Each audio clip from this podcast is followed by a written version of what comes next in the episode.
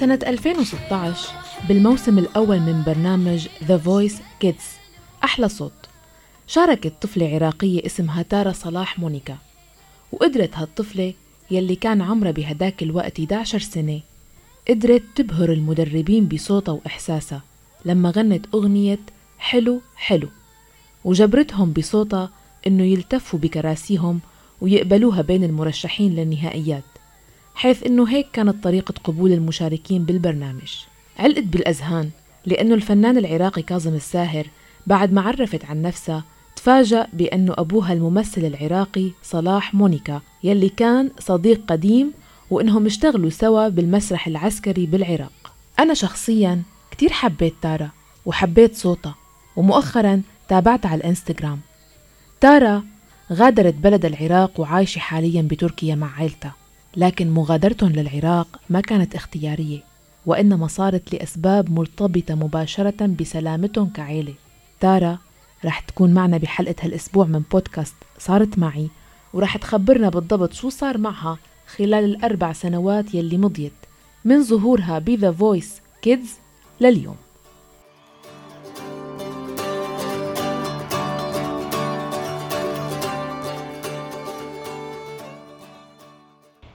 آه، عايشة بتركيا سامسون. آه، جيت تركيا بسبب تهديد آه، صار لي هنا ثلاث سنوات تقريبا من 2017 وما ما قدرت أدخل مدرسة. هواي أسباب بسبب مدارس سبب اللغة. لأنه كان عبالي كان عبالنا إنه راح نسافر بوقت أقصر لكن شاءت الظروف إنه هيجي يصير. بس الحمد لله قاعدة أطور روحي بالبيت. أه تعلمت شوية على آلة الجيتار. قاعدة أطور روحي بالموسيقى وبالغناء كل يوم. وحاليا دا أسوي نظام الكفرز دا أنزل أغاني كفرز أنا أشتغلها بالبيت. تعلمت شوية على التوزيع الموسيقي.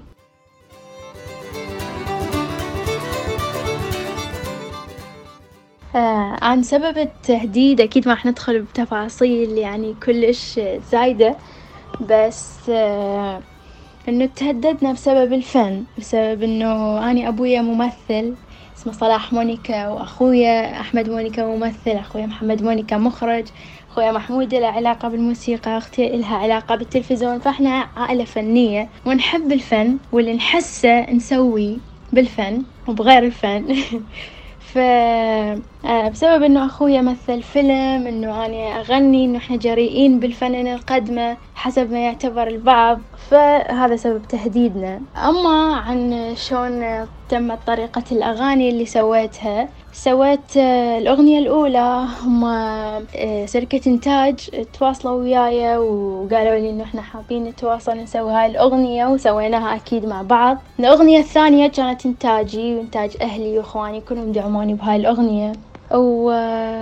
وطلعت جوي قنوات تلفزيونية هنا تركيا صورنا أخواني كانوا أول الداعمين إلي وهم اللي ساعدوني. وما تعاملت ويا أي موسيقيين ثانية ومن بعد The Voice ما حد من الموسيقيين الفنانين كان يعني وياي أو دعمني أو ساعدني. أني كله أني وعائلتي كل شي سوينا. وها هي. ومن فترة The Voice لحد الآن آه اللي هي من 2000 ونهاية 2015 كان تصوير البرنامج. بعدها بديت أروح مهرجانات آه يوم الشباب يوم السلام حفلات أخرى. وسجلت أول أغنية إلي هنا بتركيا اللي هي تخص الأطفال خلونا نغير. وسجلت أغنية عن العراق اسمها ليش نموت؟ وحاليا مثل ما قلت لك إنه دا أشتغل على الكفرز الأغاني اللي أنا أحسها وأحبها. اللي هي من الأغاني القديمة التراثية العراقية الأغاني العربية اللي أحبها الأغاني الحديثة اللي تعجبني وهكذا.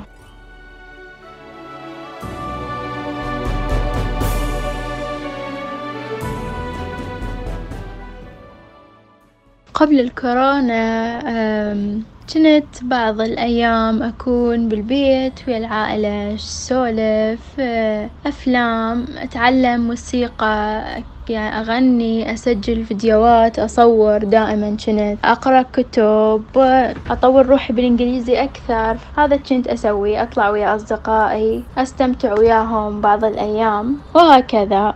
بعمر تارا بتكون معايير اختيار الأصدقاء مختلفة من شخص لشخص حسب البيئة يلي عايش فيها وحسب احتياجاته كمان. وتارا ربيت بجو كل الأشخاص المحيطين فيها أكبر منا عمرا. قديش أثر هالشي على شخصيتها وعلى طريقة اختيارها لأصدقائها؟ طبعا أصدقائي اللي هنا أغلبهم أو كلهم تقريبا أكبر مني عمرا يعني بفرق بسيط أربع سنوات وهيك يعني. حتى إنه يكون اختياري لأصدقائي أني صحيح عمري ستة عشر سنة بس إخواني كلهم أكبر من عندي. يعني أخويا اللي قبلي أكبر مني تسع سنوات وأخواني البقية أكبر من عندي بهواية. فأنا يعني عايشة ومتربية وسط ناس أكبر مني كلهم واعين ومطلعين على الحياة أكيد أكثر مني فمكتسبة همين من خبرتهم. فيعني أنا جدا صادقة. وأول شي آه، أحب الشخص اللي إني يكون وياي صادق حتى نتبادل نفس المشاعر الصادقة. ونكون واضحين ونحب بعض إن كان بنية أو ولد. وأكيد عندي أصدقاء من الفئتين البنات والولد ما أكيد ما عندي أي فرق. والصدق مهم عندي الصدق والوضوح والحب المتبادل. وهاي هو هذا مبدأي عن الصداقة.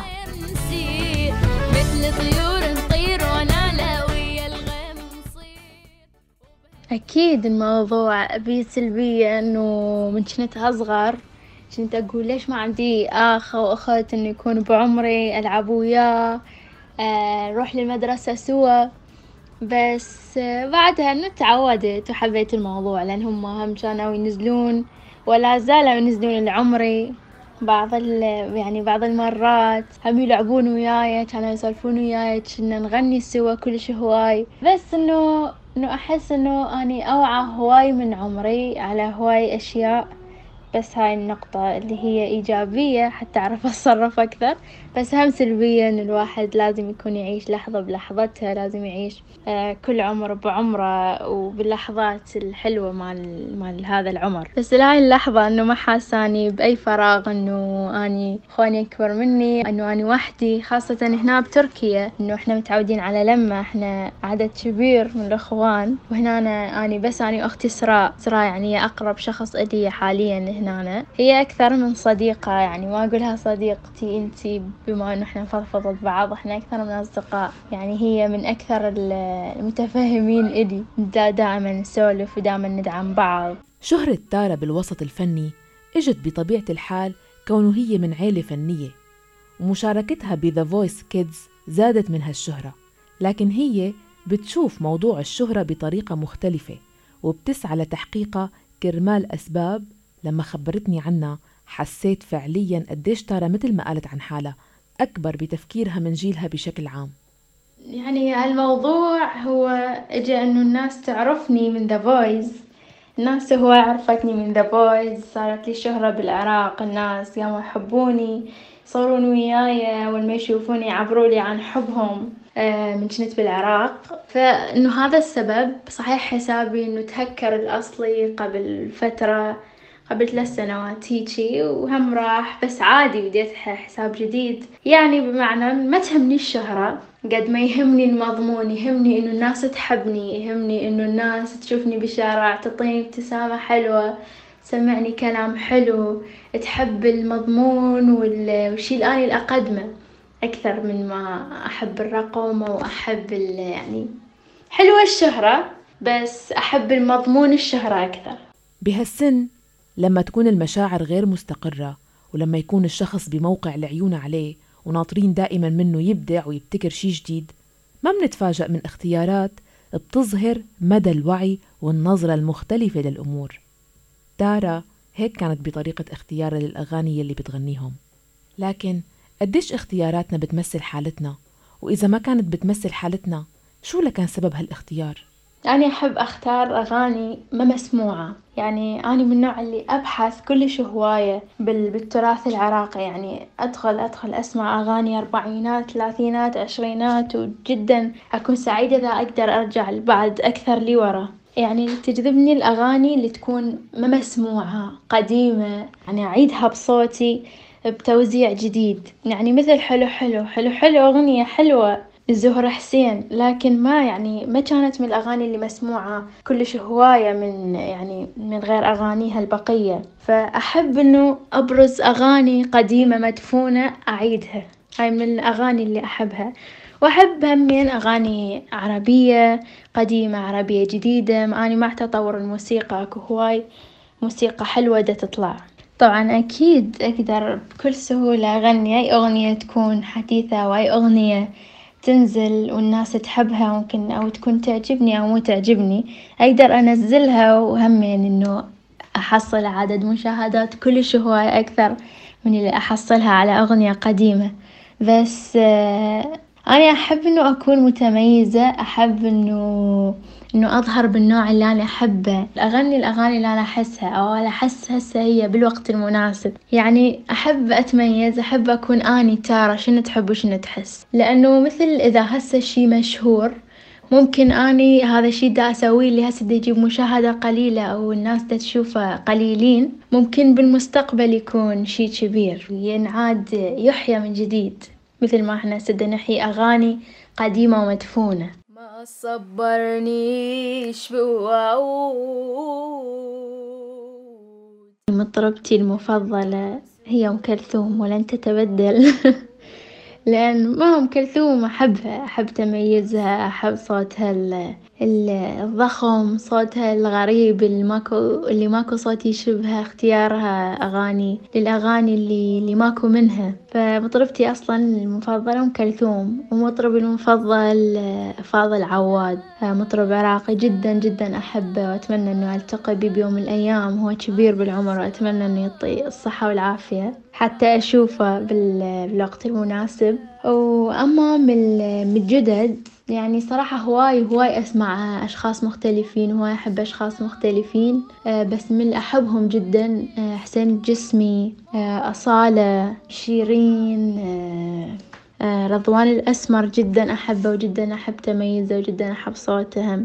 طبعًا أني بعض الأحيان تكون الأغاني اللي أغنيها ملامستني أو لحظة أني عشتها وأغني على أساسها الأغنية، بعض الأحيان أغني أغنية ممكن إنه أعرف إنه أكو شخص ممكن مجروح أكو شخص حزين أكو شخص يحتاج أمل أكو شخص محتاج محتاج يتذكر شي حلو محتاج يعني بمعنى إنه أغني أحب إنه مو شرط الأغاني تكون قاصدتني أني وقاصدة مشاعري بعض الأحيان أحب أوصل لمشاعر المقابل أحب إنه إنه أوصل لمشاعره أحسسه. أحب أطلع كل إحساسي بالأغنية حتى من أسجلها بعض الأحيان يكون التسجيل perfect كل شي بمثالي بس أحس إنه ما بي الإحساس الكافي فممكن أمسح كل المادة وأرجع أسجل، بعض الأحيان أغني أغاني عن حب بس ممكن أقصد شخص أحبه ثاني. ممكن دا أقصد أمي بهاي الأغنية. ممكن دا أقصد صديقة مشتاقة لها. ممكن دا أقصد شخص ثاني، فأوصف إنه حسب ما إني أحسه إنه عن شخص معين عن عن مشاعر شخص ثاني عن مشاعري حسب الأغنية. لما سألت لتارا عن الحب بحياتها حبت تجاوب بأغنية. على الله تعود على الله. يا ضايع في ديار الله الطفولة هالمرحلة الأهم بحياة كل حدا فينا ويلي ملامحها ترسم شخصياتنا لما نكبر. طفولتي أحس عشتها بكامل تفاصيلها من ناحية البراءة من ناحية اللعب من ناحية الحب المفرط لكل شي الحب المفرط لأهلي الحب المفرط للشي الأغاني للأشياء البسيطة.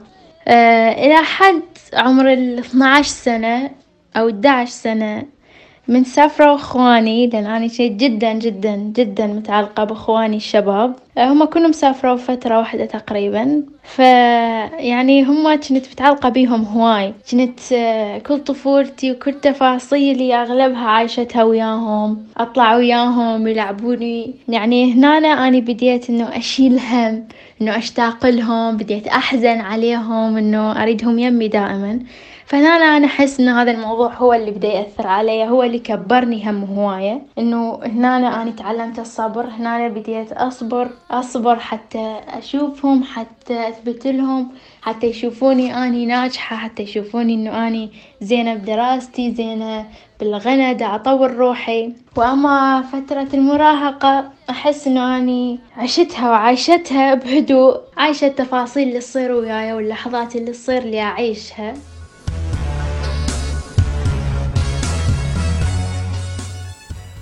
خبرتني تارا إنه هي كتير تفاعلت مع المظاهرات العالمية يلي خرجت ضد العنصرية ويلي شعلها مقتل الأمريكي أسود البشرة جورج فلويد على يد شرطي أبيض البشرة. الموضوع لامسها شخصيا كون صبية سمراء البشرة وعانت بسببها من التنمر. ما سنين أكيد عانيت من عنصرية بطفولتي وهاي لكن عديت الموضوع وأيقنت إنه الموضوع إنه ببساطة وهذا الشي ما نقدر إحنا نغيره أكيد لأنه لازم نحب نفسنا مثل ما إحنا وشنو نكون ولازم المقابل هم يحبنا لأنه هذا الشي مو بيدنا ونزلت أغنية عن هالموضوع اللي هي أغنية نينا سايمون Feeling Good.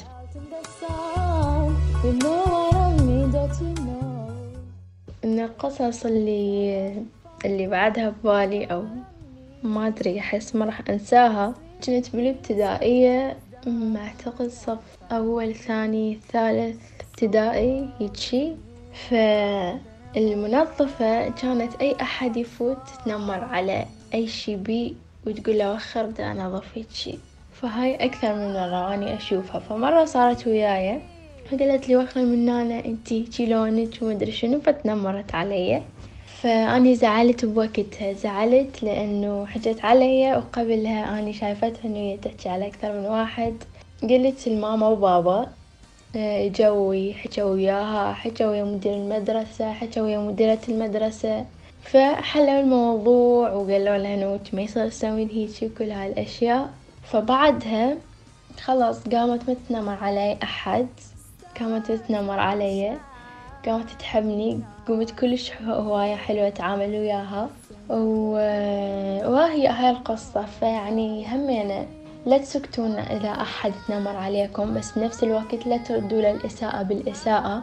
أه تفاهموا بشكل واعي وراح ينحل الموضوع وممكن كل شي راح يصلح ممكن المقابل هم راح ياخذ درس هواي كبير. الأهل هم أساس أساس كل طفل. وأساس كل شخص شلون ما إحنا نتربى شلون ما أهلنا يعلمونا إحنا نطلع.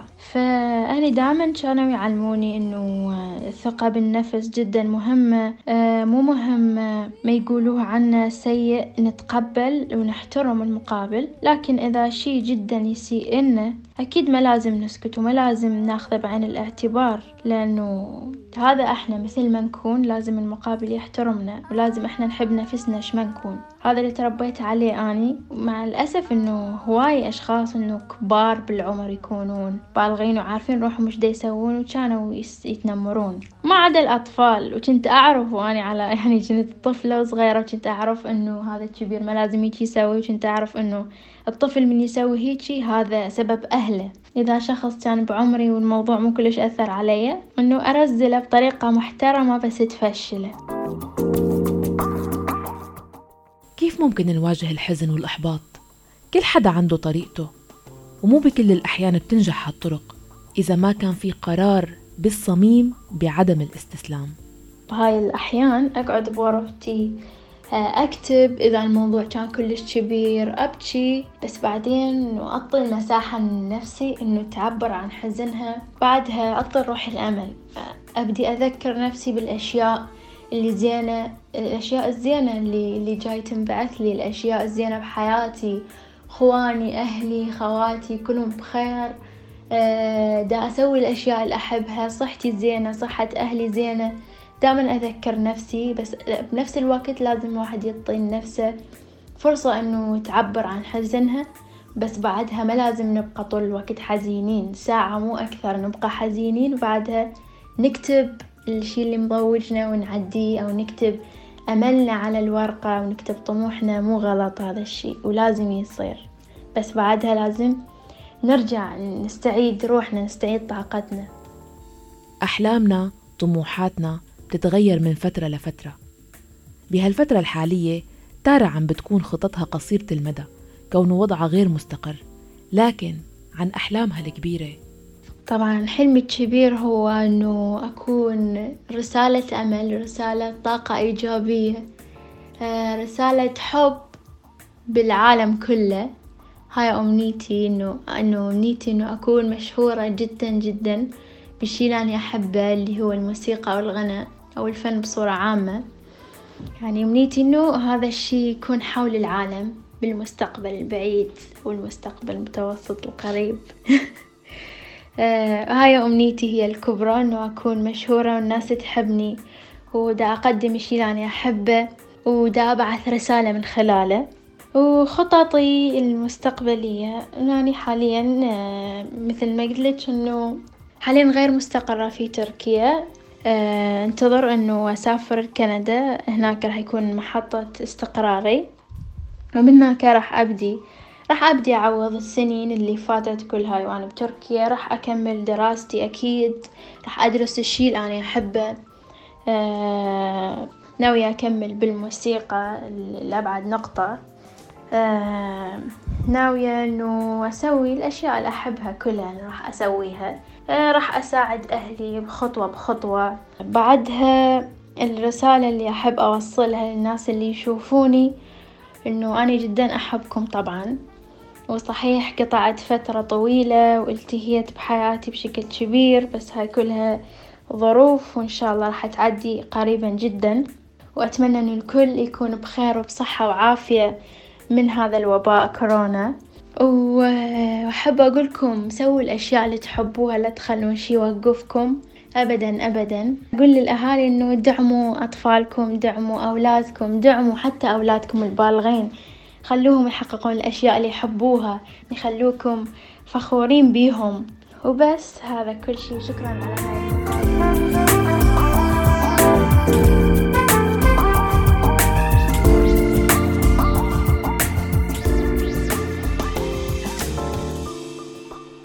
شكرا لتارا وشكرا لكم مستمعينا. شاركونا تجاربكم وقصص صارت معكم عبر الواتساب على الرقم 00 971 568 531 592 واسمعونا دائما من خلال موقعنا الآن dot FM كل منصات البودكاست ال SoundCloud وتطبيقي Deezer وأنغامي. بالإعداد والتقديم كنت معكم أنا مها فطوم. إلى اللقاء.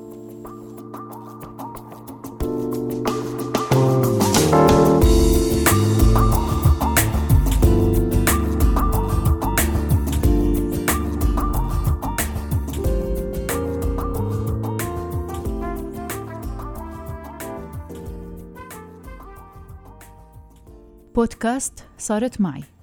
مع مها فطوم على راديو الآن.